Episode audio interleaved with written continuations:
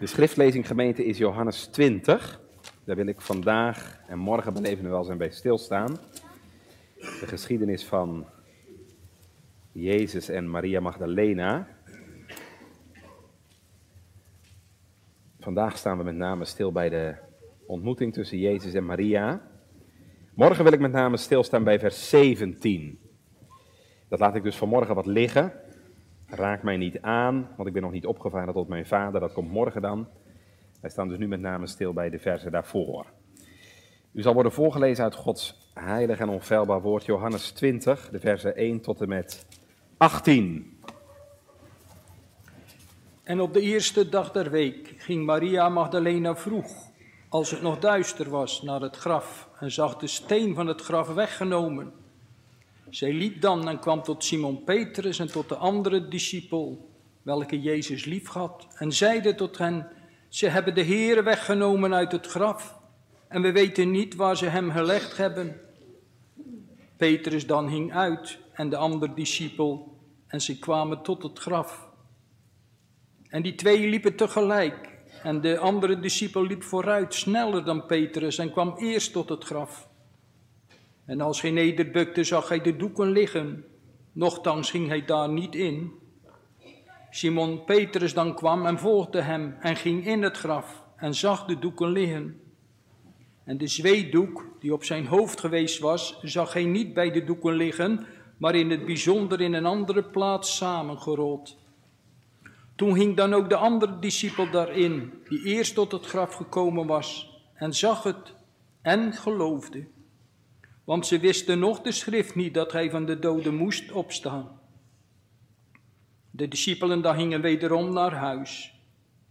En Maria stond buiten bij het graf, wenende. Als zij dan weende, bukte zij in het graf en zag twee engelen in witte klederen zitten, één aan het hoofd en één aan de voeten, waar het lichaam van Jezus gelegen had. En die zeiden tot haar vrouw, wat weent hij? Ze zeiden tot hen, omdat ze mijn heren weggenomen hebben en ik weet niet waar ze hem gelegd hebben. En als ze dit gezegd had, keerde zij zich achterwaarts en zag Jezus staan. En zij wist niet dat het Jezus was. Jezus zei tot haar, vrouw, wat weent gij? Wie zoekt gij? Zij, menende dat het de hovenier was, zeide tot hem, Heere, zo gij hem weggedragen hebt, zeg mij waar hij hem gelegd hebt, en ik zal hem wegnemen. Jezus zeide tot haar, Maria. Zij zich omkerende, zei tot hem, Rabuni, het welk is gezegd, meester. Jezus zeide tot haar, raak mij niet aan, want ik ben nog niet opgevaren tot mijn vader. Maar ga heen tot mijn broeders en zeggen, ik vaar op tot mijn vader en uw vader, en tot mijn God en uw God. Maria Magdalena ging en boodschapte de discipelen dat zij de Heere gezien had en dat hij haar dit gezegd had.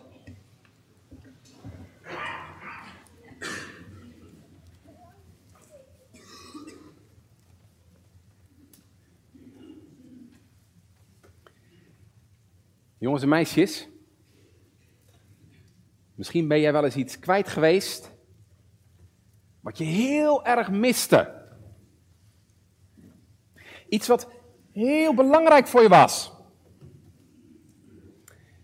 Ja, wat doe je dan? Dan ga je natuurlijk zoeken. Nou, dat zagen we net ook bij Maria. Zij was iets kwijt, jongens en meisjes. Het allerbelangrijkste in haar leven. De Heere Jezus. En daarom ging ze heel vroeg in de morgen zoeken. Maar weet je wat ik nou altijd zo mooi vind, jongens en meisjes? We hebben het net ook gelezen. Hè? Niet alleen Maria zocht. Er was nog iemand die zocht. De Heer Jezus. Maria zoekt Jezus. Maar Jezus zocht ook Maria. Want al was Maria Jezus kwijt, Jezus was gelukkig niet Maria kwijt. Want hij leeft. En hij maakt een nieuw begin. In Maria's leven en ook vandaag. Gemeente, dat is Pasen. Jezus leeft en hij maakt een nieuw begin in levens van mensen. Dat zullen we vanmorgen zien aan de hand van het leven van Maria Magdalena. Maria Magdalena, we staan stil gemeente bij haar verbijstering, bij haar verdriet en bij haar verwondering. Verbijstering, verdriet, verwondering. Ze is verbijsterd, want Jezus is dood. Ze is verdrietig, want het lichaam van Jezus is weg. En ze is verwonderd, want Jezus leeft. Gemeente, heeft u dat ook wel eens gehad? Dat je ergens naartoe ging en dat iets, ja, wat je verwachtte te zien, en niet meer bleek te zijn. je komt op de plek waar je misschien vroeger gewoond hebt, na jaren. En wat je er verwachtte, dat is er niet meer. Ging jaren geleden is met de polder, tussen de neus en hoek, waar mijn opa vroeger woonde, een boerderijtje. het huisje stond er niet meer. Het stond er niet meer. Dan kun je echt even verbijsterd zijn. Je wereld staat even op zijn kop. Het klopt niet. Je hele voorstellingsvermogen moet zich helemaal aanpassen. Nou gemeente, dat is wat Maria Magdalena meemaakt op de paasmorgen. Gaat naar het graf om Jezus te zien. Maar hij is er niet meer. Het graf is leeg. Een open gat gaat haar aan. Traumatisch.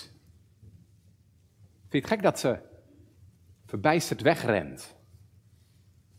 Weg van deze plek. Haar hele wereld staat op de kop. Wat is er hier gebeurd? je hele voorstelling klopt niet meer. Want hij is er niet.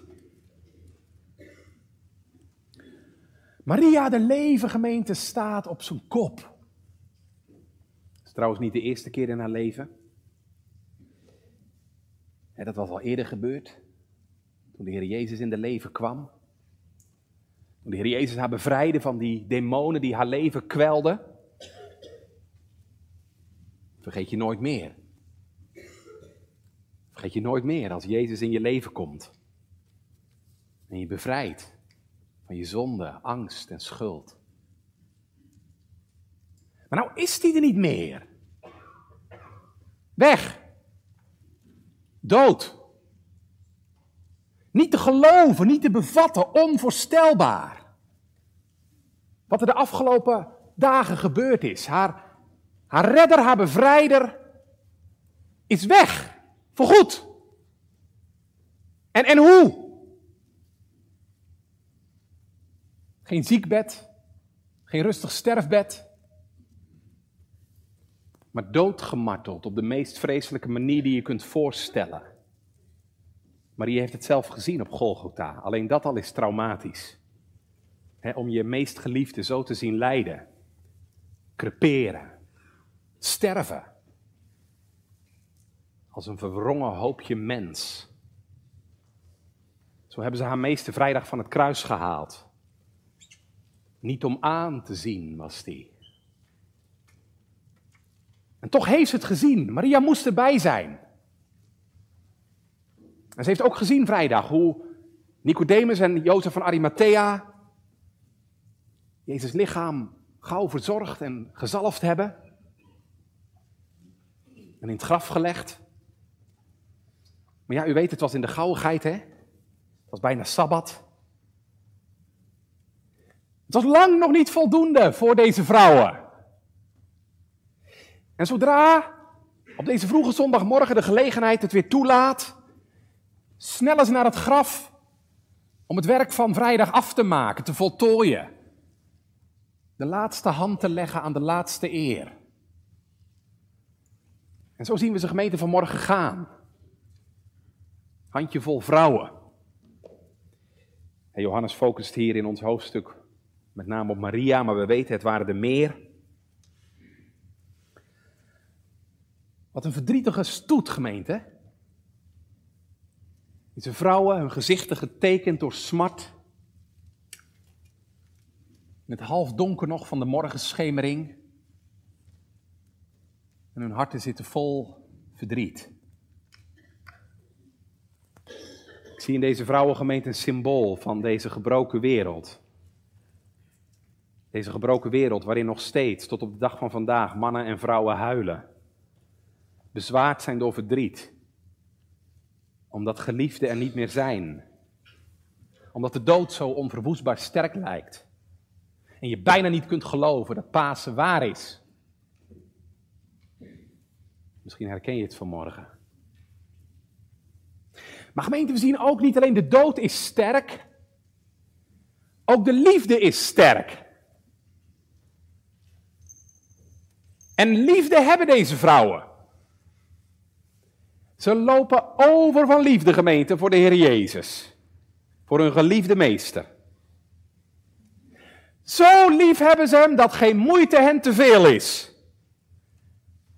Al in het vroeg donker, in alle vroegte, staan ze al paraat om hun heren te zoeken. Doe je dat ook wel eens? Ik bedoel, gaat u er ook wel eens vroeg uit om de heren te zoeken? Ik moet vanmorgen even denken aan wat ik eens hoorde van ouderling Marijs. Blaas Marijs, die zoveel jaren onze gemeente gediend heeft. De ouderen zullen hem ongetwijfeld nog herinneren. Ouderling Marijs zat de laatste dagen van zijn leven in een verzorgingstehuis in Middelburg. En op een dag, het was nog heel vroeg, loopt de zuster over de gang. Ze hoort in een kamertje een wekker gaan. Maar het was nog veel te vroeg om wakker te worden. Loopt dat kamertje in en ze zag ouderling Marijs zitten. Een traan in zijn ogen. Ze schrok een beetje. Wat is er aan de hand, meneer Marijs? Waarop hij zei, de Heer hij is waarlijk opgestaan. Het was Pasen. En hij had zijn wekker vroeg gezet om in alle vroegte de Heer te gaan zoeken. En zijn opstanding te gedenken. Zie, dat is de liefde gemeente. De liefde deed hem vroeg op zijn. En zo was het ook bij Maria en deze vrouwen. Nee, geloof hadden ze niet. Geloof dat Jezus zou opstaan hadden ze niet, maar liefde des te meer. En je ziet, liefde maakt je ook moedig. Waar de discipelen zich angstig verschuilen achter gesloten deuren, hebben deze vrouwen de moed om erop uit te gaan. Nou, daar is toch best moed voor nodig, hè? om nog in het halfdonker buiten de stad naar een graf te gaan. Maar Maria doet het.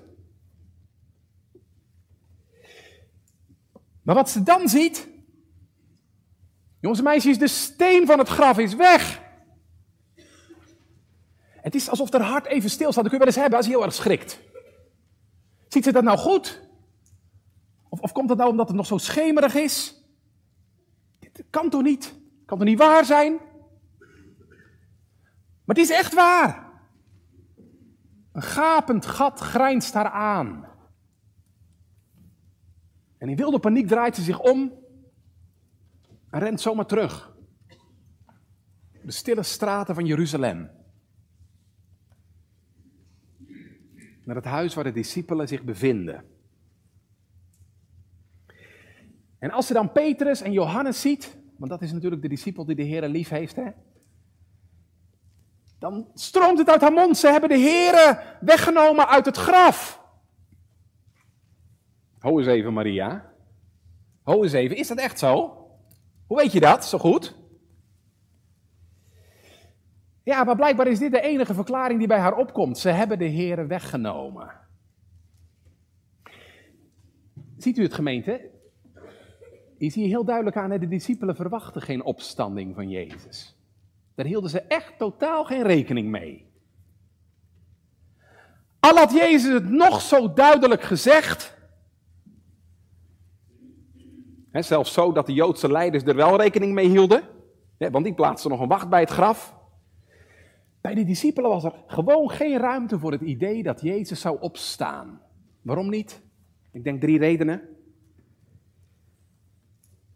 In de eerste plaats, doden staan over het algemeen niet op. In de tweede plaats, als Joden, als Joden geloofden zij wel in de opstanding. Maar zij dachten dat die opstanding pas straks zou zijn. Helemaal aan het eind van de geschiedenis, hè, dan zullen de doden opstaan. Dus het idee dat iemand nu, midden in de tijd, opstaat uit de dood, dat, dat komt in hun denken niet voor.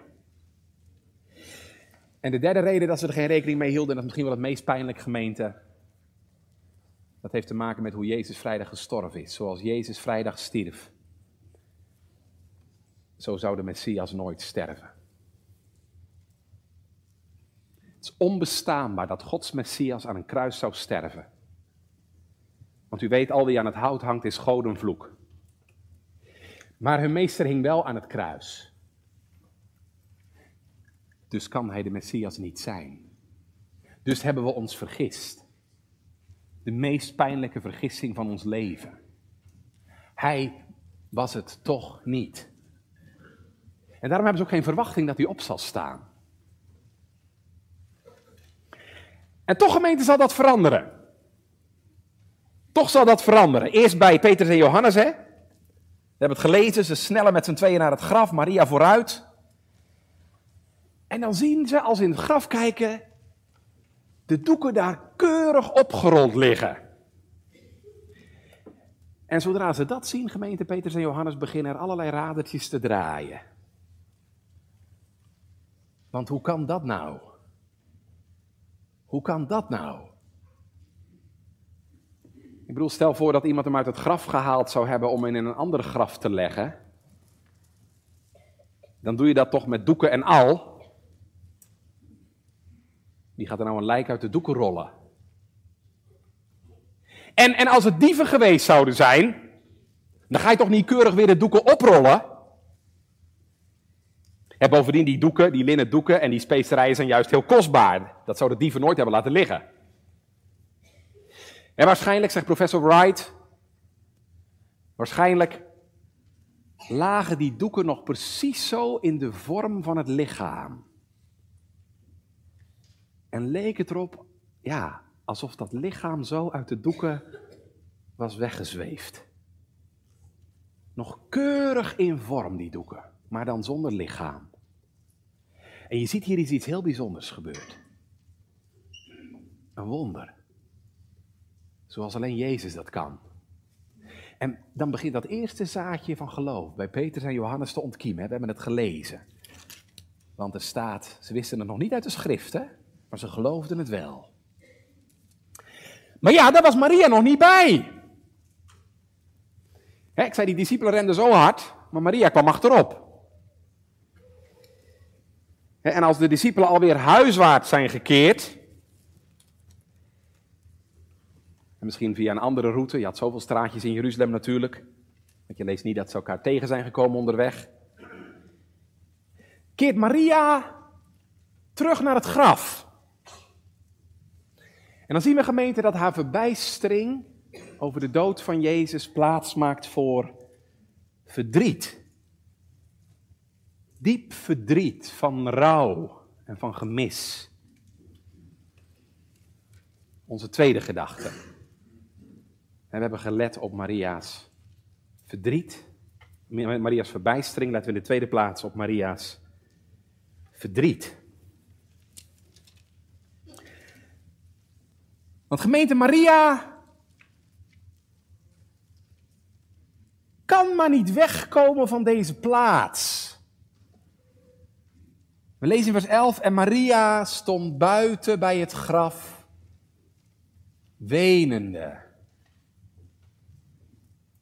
Maria kan maar niet loskomen blijkbaar van dit laatste plekje wat haar met Jezus verbindt. Deze laatste schakel die haar met Jezus verbindt. Je zou zeggen, Maria, wat zoek je dan toch? Wat zoek je nou toch bij dat graf? Ik hoor dat zo vaak hè, van mensen die het graf bezoeken. Van hun geliefde. Ja, dominee, je vindt hem er niet meer.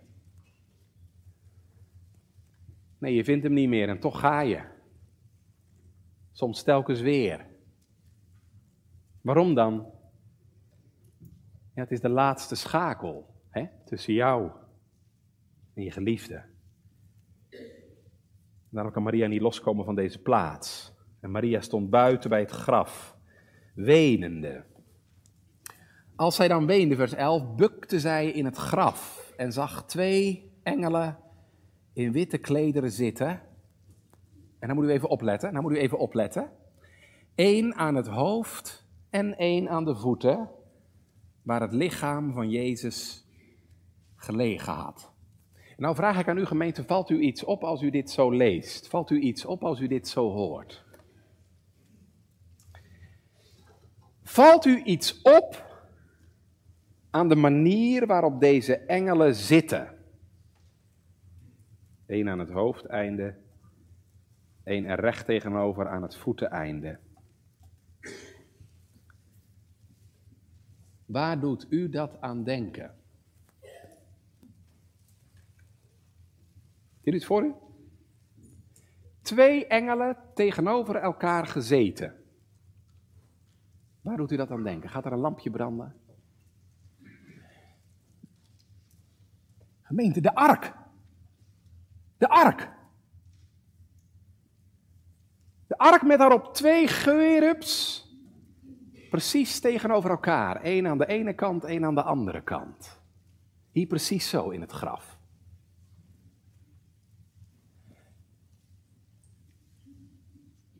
De steen waarop Jezus gelegen heeft, is als het ware het nieuwtestamentische verzoendeksel. Ziet u het?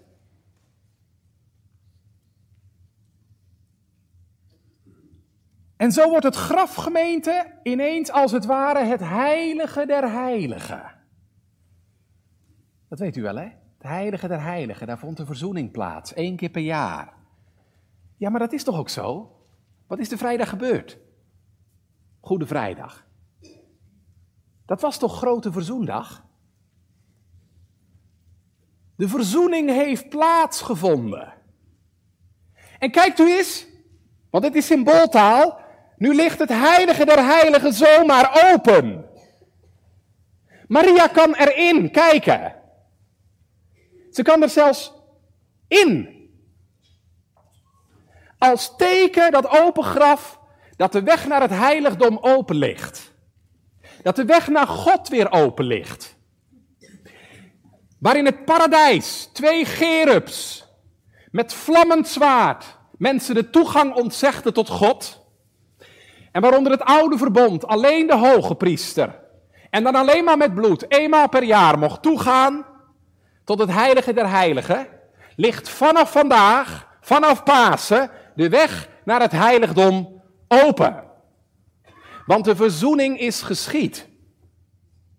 Opdat zondaren, jij en ik, met vrijmoedigheid zullen toegaan tot de troon der genade, om barmhartigheid te verkrijgen en genade vinden om geholpen te worden op het juiste tijdstip. Dit open graf met de twee engelen tegenover elkaar als het nieuwtestamentische verzoendeksel betekent de verzoening is geschied en de weg naar God ligt open.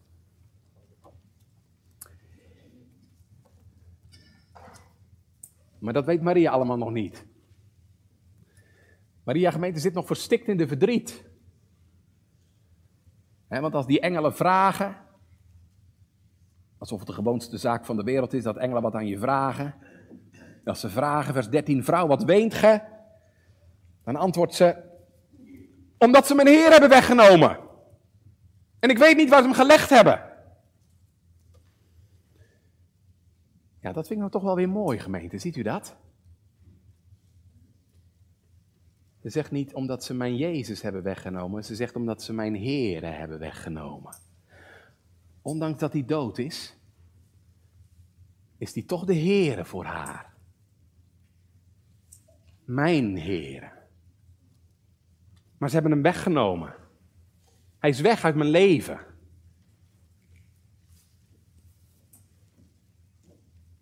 Misschien ken je dat wel. Misschien ken je dat wel, want gemeente, dat kan nog, hè? dat Jezus weglijkt uit je leven. Er zijn dingen in je leven gebeurd.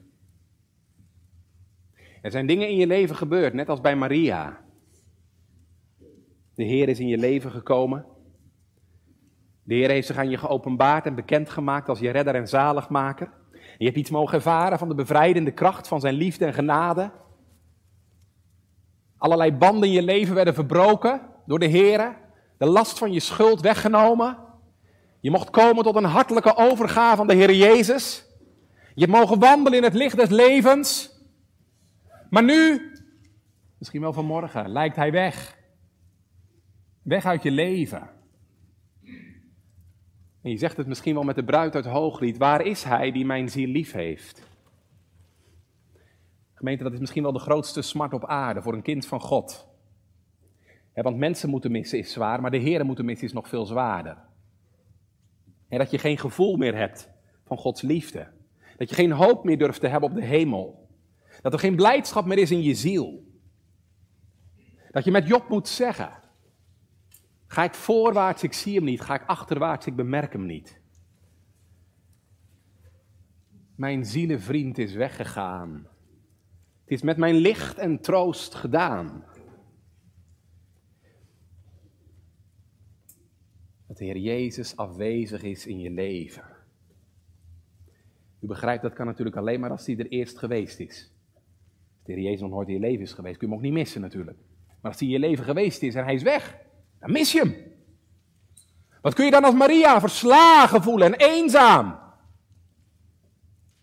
Dat het wel lijkt gemeente alsof het nooit wat geweest is in je leven. Alsof de Heer er nooit geweest is.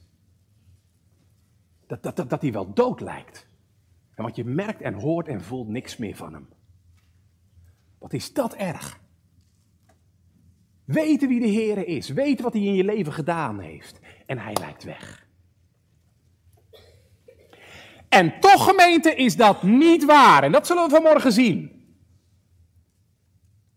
De Heere gaat niet meer weg waar hij eenmaal gekomen is. Als hij zegt, ik zal u niet begeven en ik zal u niet verlaten, dan liegt hij niet. De Heere laat nooit meer varen het werk dat zijn hand begonnen is. als je soms buiten op een zonnige dag de zon ineens niet meer ziet.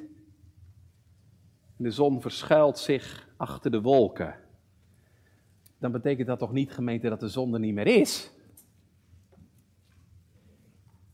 Die zon is er nog steeds. Alleen jij ziet hem niet. Jij ervaart zijn stralen niet. Als de zon van de gerechtigheid in je leven is gaan schijnen, gemeente, gaat hij nooit meer weg. Dan is hij er en dan is hij er ook als ik hem niet zie. Want kijk maar eens, al ziet Maria Jezus niet, Jezus ziet Maria wel. Want hij staat daar vlakbij. Geloof je dat? Geloof je dat gemeente ook als je de Heer niet ziet en ervaart in je leven? Geloof je dat hij ook dan niet laat varen de werken van zijn handen? En dan niet omdat ik dat zozeer zie of voel of ervaar, maar omdat hij het belooft. Aan alle die hem vrezen, mijn goede tierenheid zal van u niet wijken. Vanwege zijn belofte. En vanwege dat eeuwige verbond dat van geen wankelen weet. Omdat het gefundeerd is in het volbrachte werk van de Heer Jezus. Dat hier op de paasmorgen zo heerlijk aan het licht komt. Kijk, dat is nou gemeente de boodschap van Pasen. Pasen betekent Jezus heeft het volbracht. Hij heeft op Goede Vrijdag het verbond vervuld en voltooid.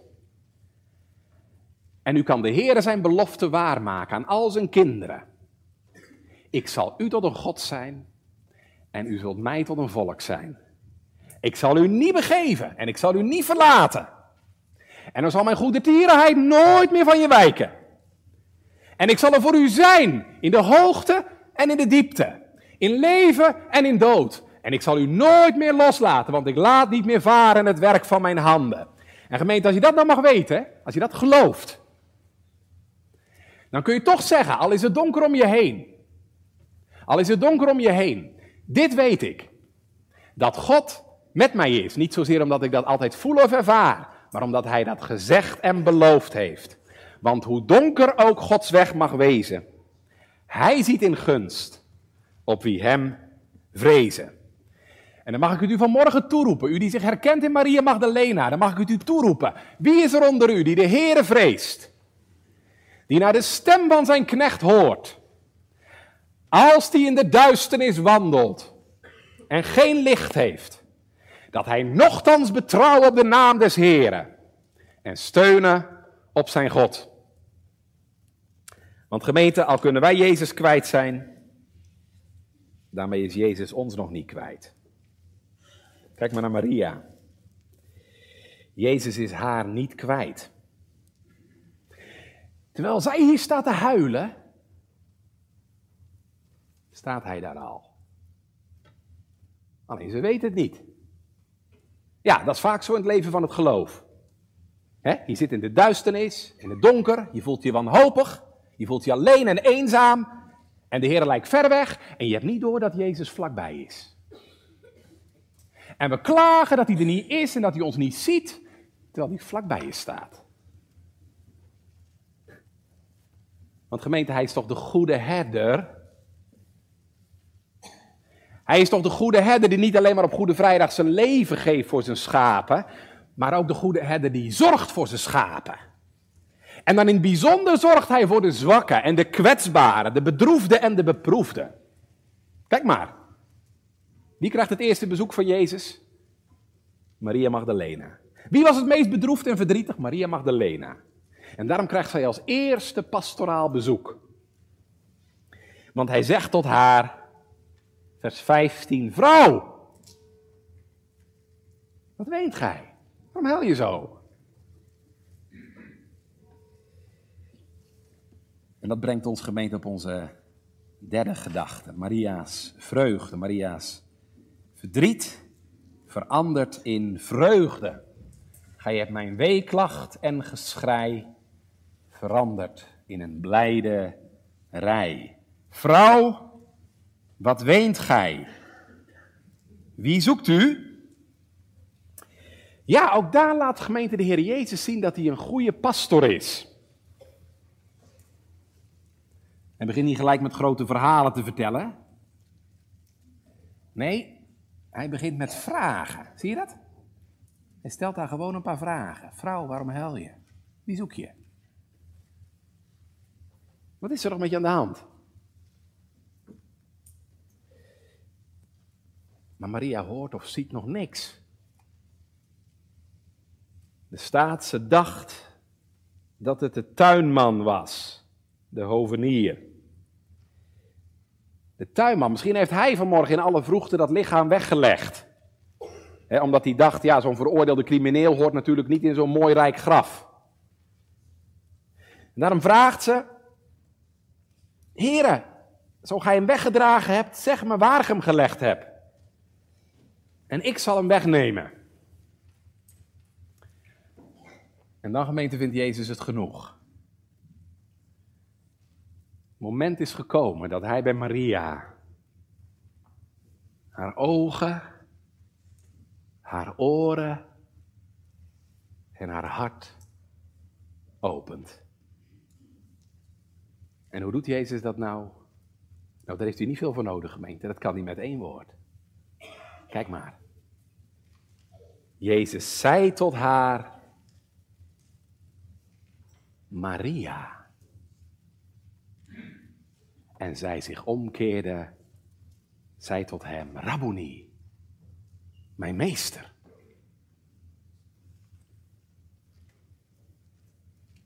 Zie je wat er gebeurt?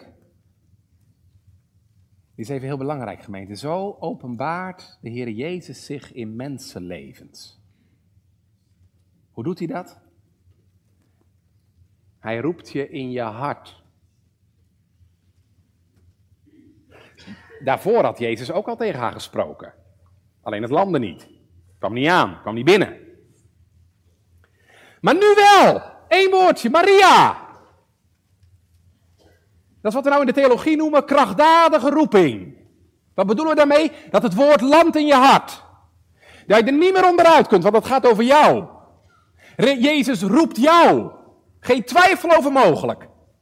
Je weet het. Zeker. Want zijn woord is met macht. Zie je? Dat is het eerste. Hij roept je in je hart. Het tweede wat hij doet, hij opent je ogen. Zodat je hem gaat zien. Maria zag me eerst niet. Nu wel. Je gaat hem zien met ogen van het geloof, helder en klaar. Rabboni, mijn meester, u bent het.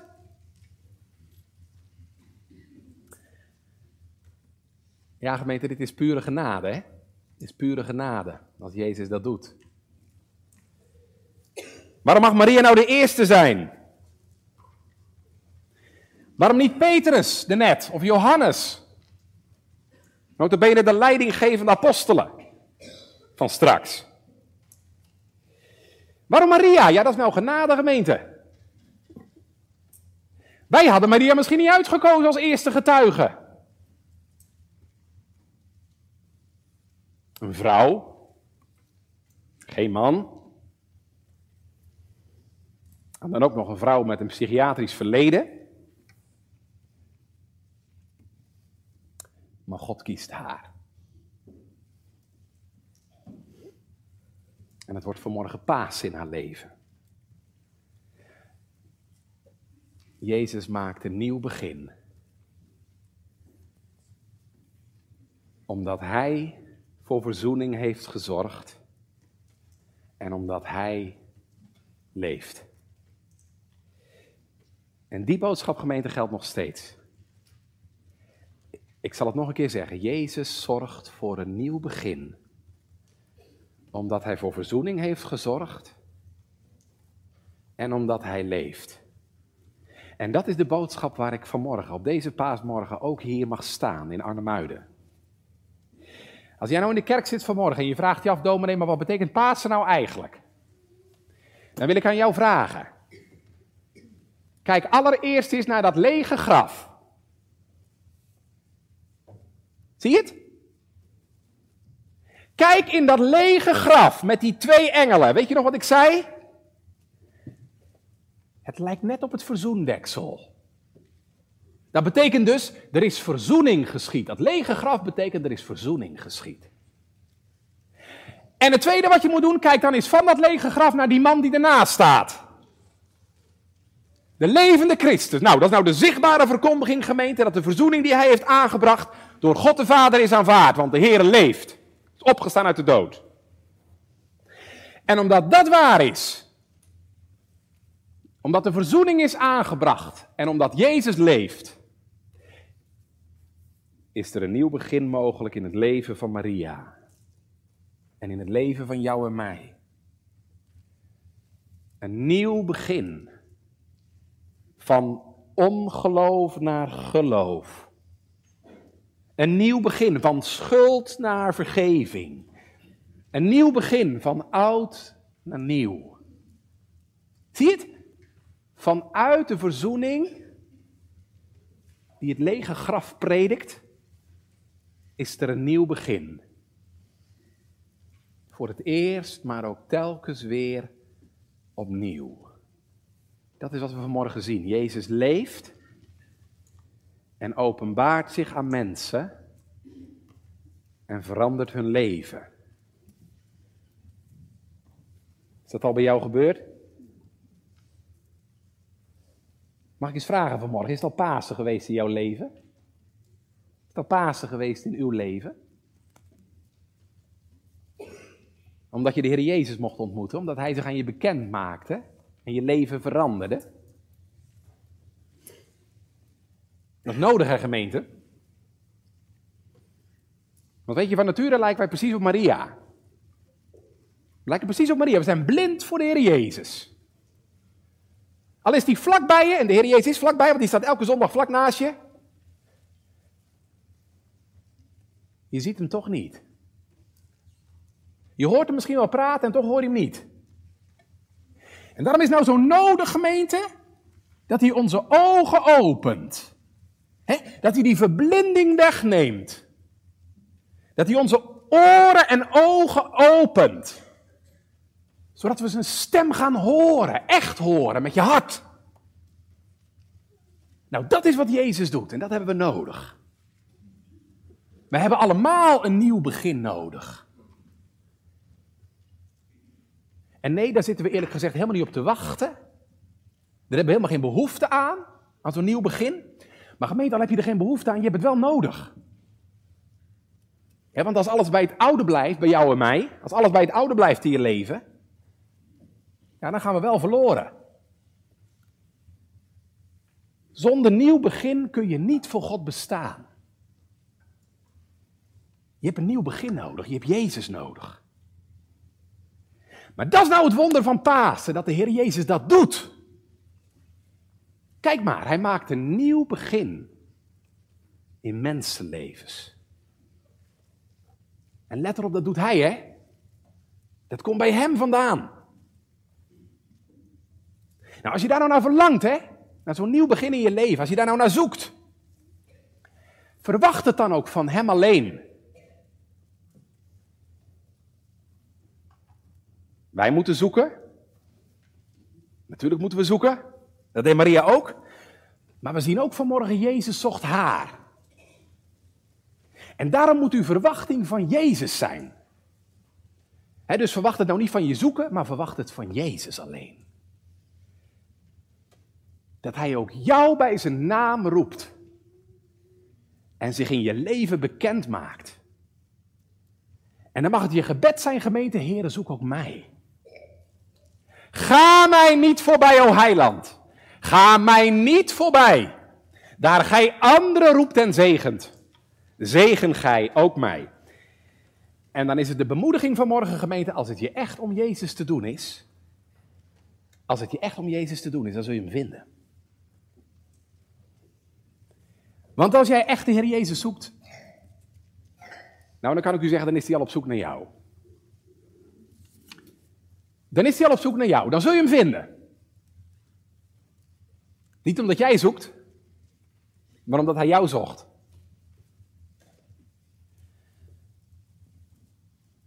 Ik las iets heel moois bij Matthew Henry. Luister maar. Weet je wat Henry zegt? Zij die niet minder tevreden willen zijn dan met een gezicht van Christus, zullen ook met niets minder weggestuurd worden. Nooit heeft hij een ziel die hem zocht gezegd: zoek mij te vergeefs.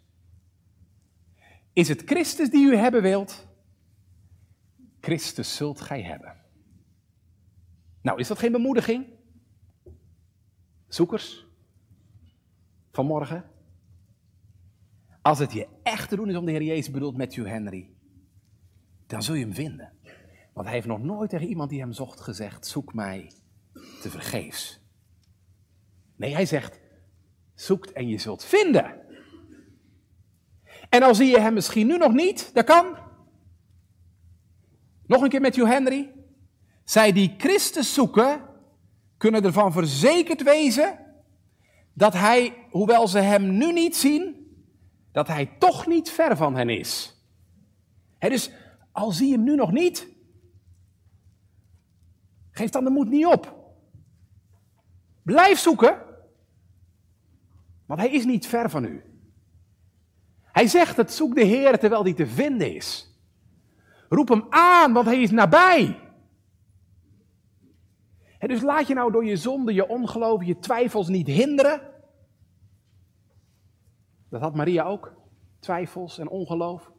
En Petrus had ook zonde. Maar dat zat de Heer Jezus helemaal niet in de weg, gemeente. Want Pasen betekent, er is verzoening geschied.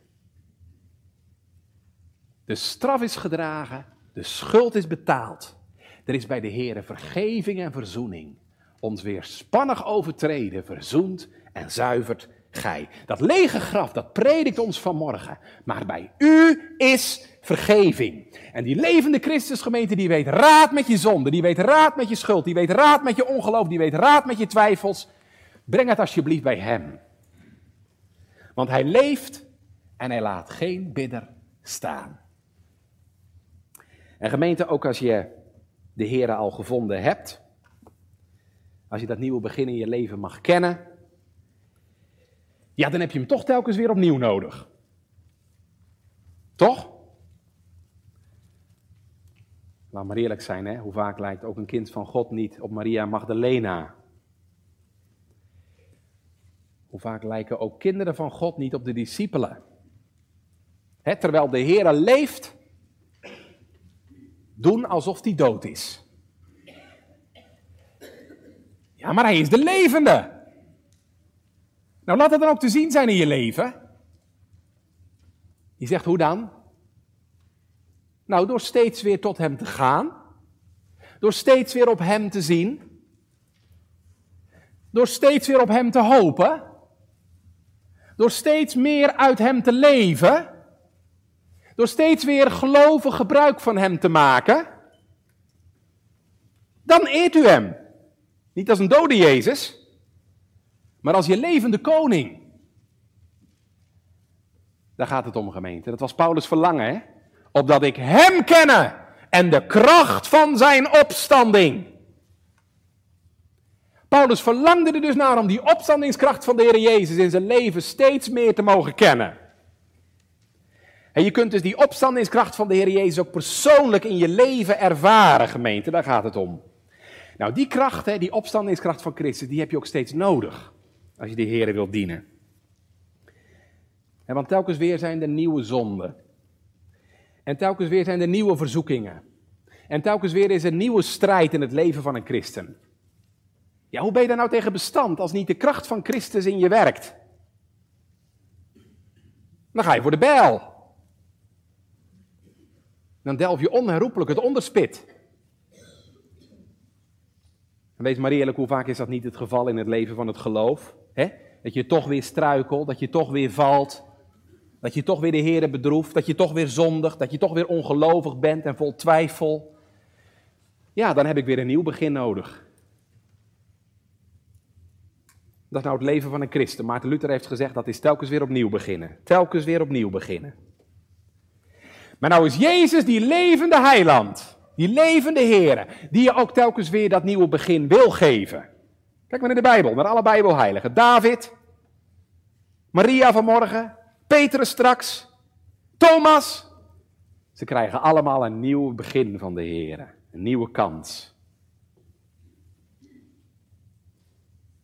Dan mag je steeds weer tot Hem gaan.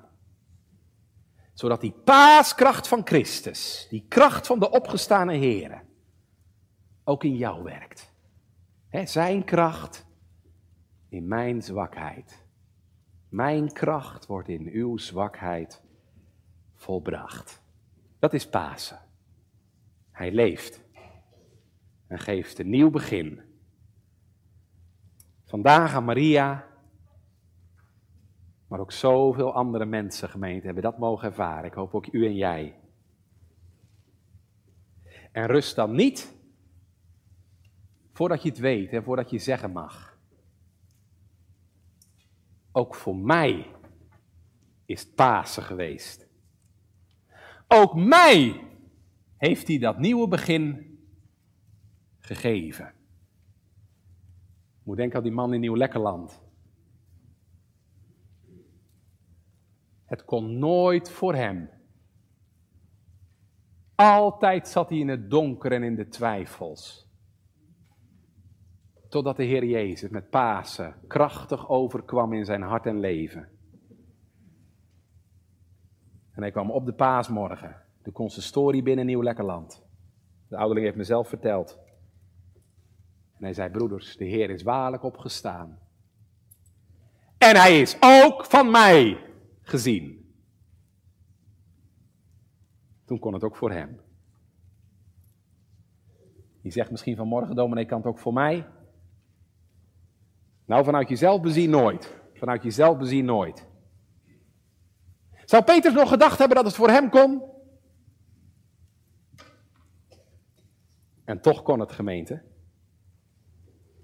Omdat de Heere het doet. Omdat de Heere het doet. Uit vrije genade alleen. Kijk, en dan mag nou de meest hopeloze mens moed vatten. Het kan, omdat hij leeft. En hij maakt het verschil. Want hij zorgt op Goede Vrijdag voor verzoening, volkomen verzoening van alle zonden. En hij kan wat niemand kan, een nieuw begin maken in je leven. Zelfs bij u en bij mij en bij jou. Zodat je ondanks alle pijn, verdriet en schuld in je leven misschien, je toch mag weten, net zoals Maria, ik heb u bij uw naam geroepen gij zijt van mij. Ja, dan kunnen we toch alleen maar zeggen. U zij de glorie, opgestane Heer. Amen.